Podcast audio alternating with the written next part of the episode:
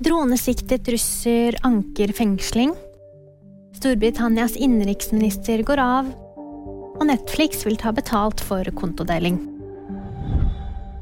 Dronesiktede Andrej Jakunin anker fengsling. Han er siktet og sitter i varetekt for å ha fløyet en drone på Svalbard. Russere har ikke lov til å fly droner i Norge. Jakinin har russisk og britisk statsborgerskap, og presseteamet hans avviser koblinger til Vladimir Putin og russiske myndigheter. Storbritannias innenriksminister Suella Braverman går av. Det melder The Guardian.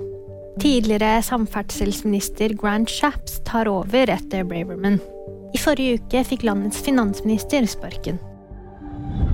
Fra neste år vil Netflix ta betalt for kontodeling. Tjenesten kalles paid sharing, og det er foreløpig usikkert hvor mye det vil koste å dele konto med flere brukere. Netflix har nå 223 millioner abonnenter, ifølge ferske tall. Og VG-nyhetene de fikk da meg, Jamantbrit Gahr.